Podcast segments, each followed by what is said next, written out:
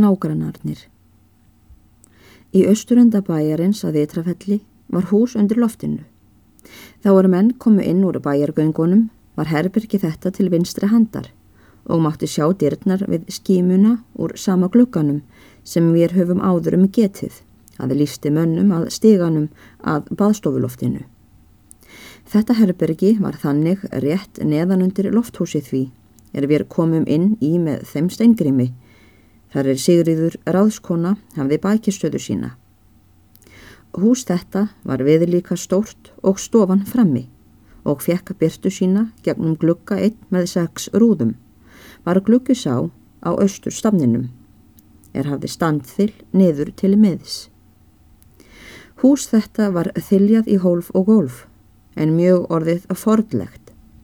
Stóð þar borð undir glukkanum, nýlegt að sjá og blátt að lit en annars vegar við borðið við norðurvekk húsins stóð lausarúm með endan að austurstafninum, en við hinvekkin gagvart stóðu kistur tvær læstar. Á gólfinu stóðu stólar þrýr. Þetta var Svefnherbergi Steingrims og begja feðgana nú síðan aðalsteitt kom og sváfu þeir saman í rúminu. Þar inni var Steingrimur og vanur að matast og gestir hans með honum ef þeir voru nokkrir.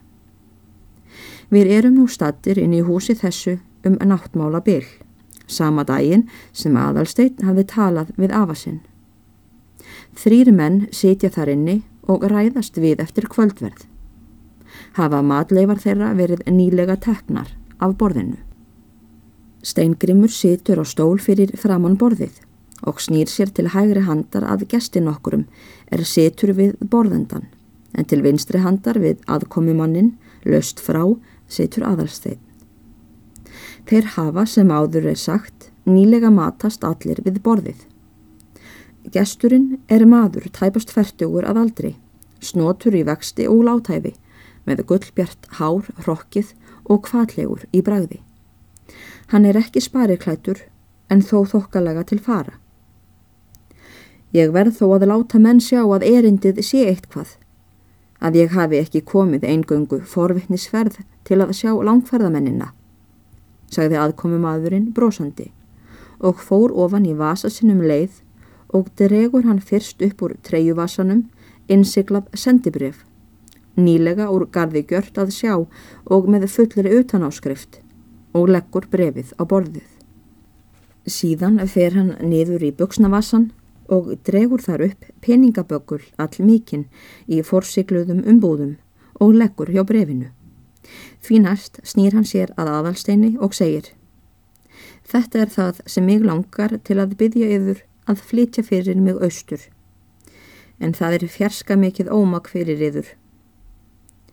Nei, svaraði aðalstein og stóð upp og las utan á skrift brefsins. Ég skal hafa einhver áð, en það er vandfarið með peningana. Ég hlít að hafa þá í töskunni fyrir aftan mig. Ég hef ekki önnur að ráð. Það dugir ansaði komumadur. Nú hvað er þetta einar, segir Steingrimur við gest sinn og munum við hér eftir kalla hann því nafni.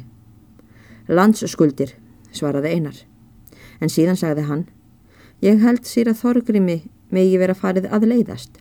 Hann hefur ekkert fengið í tvö ár og hefur það gert milliferðarleysið. Það getur annars komið sér illa þegar landsdrótnar eru svo langt í burtu. Það er ekki ætið hægt að ná til þeirra. En það hefur síra Þorgrimur skrifað mér að senda ekki landskuldirnar nema með vissum ferðum. Náttúrulega, svaraði Steingrimur. Hann farvist ekki landskuldir sínar skilvíslegar frá öðrum hér við fjörðin. Þryggja áru skuldin hvað standa inni hjá gísla á fjörðarhorni og svo mun vera víðar. Já, en ég hef heyrt að þeir ætli nú nokkrir að taka sig saman og senda til hans í haust. Steingrimur tók nú peningana og brefið og let hvort tveggja til geimslu niður í borðhólfið. Einar stóð upp og var sínilegt að hann tók að hugsa til heimfarar. Hann snýri sér að aðalsteini og mælti. Ég vona þér lofið okkur á innarfelli að sjá yður þar heima áður en þér farið. Takka yður fyrir, svaraði hinn. Leiðin er ekki laung og hægt er að verða við þeim tilmælum. Ég hef líka ánægju að því og skal gera það áður en ég fer. Jú, sjálfsagt einar, malti steingrimur brosandi. Og mig skaltu fá í tilbót, hvort sem þú vilt eða ekki. Það hykir mér nú verst ef þú fer að koma líka, svaraði einar til endurgjalds fyrir ónótasvar steingrims. Ég hjælt þú myndir hafa vita á því að sitja kér heima fyrst ég bauð þér ekki og að ég myndi geta orðið laus við þig. Nei, nei, góði vinn, ekki hefnaðist það, mælti steingrimur. Því fremur skal ég nú koma, fyrst þú vilt mig ekki. Þú veist líka að ég er alltaf að draga mig eftir henni stínu þinni, þegar ég kem og þú skilur að það fer mjög vel á því ætið að yngismennirnir eldi dætur í trássi við feðurna. Það er svo sem enginn þörf á að okkur komið saman, þér og mér í því efni. Einar hlóa þessu og mælti. Fyrir ferst að kalla þig yngismann, gamall skrjóðurinn sem bráðum fyrir að fella tennur og þar á ofan hefur hræðist hvern fólkið alla þína daga. En býtu við, ekki sengt og ítla. Ef þú vilt býða eftir henni stínu, Þangað til hún er orðin gefvaksta og þú sextugur. Þá skal ég gifta þér hanna. En þá ætla ég reyndar ekki að vila fyrir mér að aga þig eins og með þarf sem gamal og ráðsettur tengdafaðir. Sveið þú held ég ægir, sagði Seingrimur.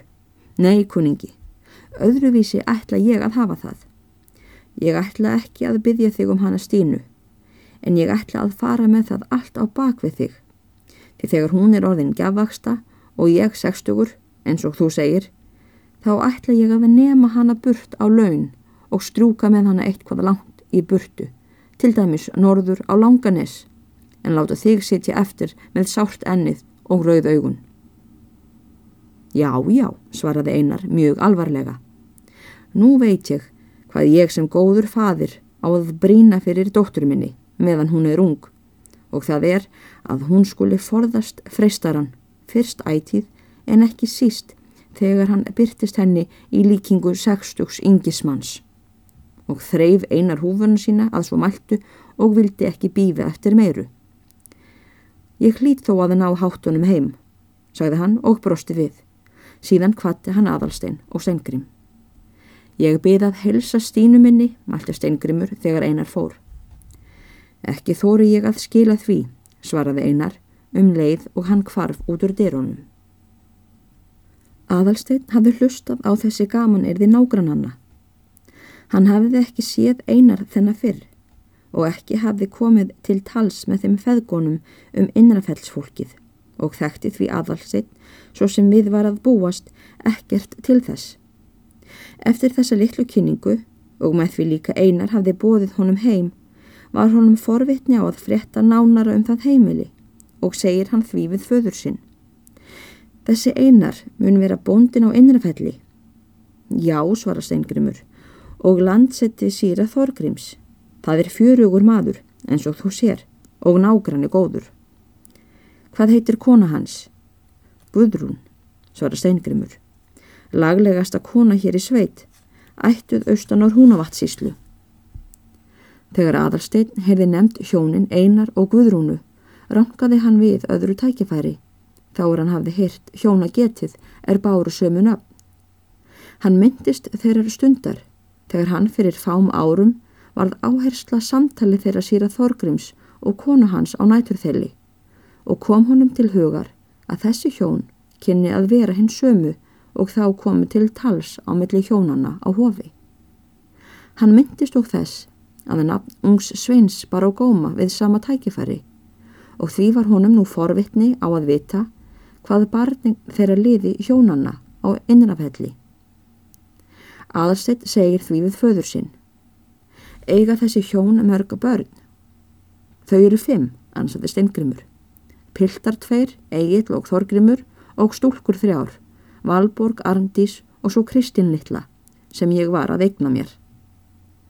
Nú Þorgrimur heitir annar pilturinn, valti aðalstein. Skildi það vera nafn síra Þorgrims? Já, svara steingrimur. Pilturinn heitir í höfuðið á honum.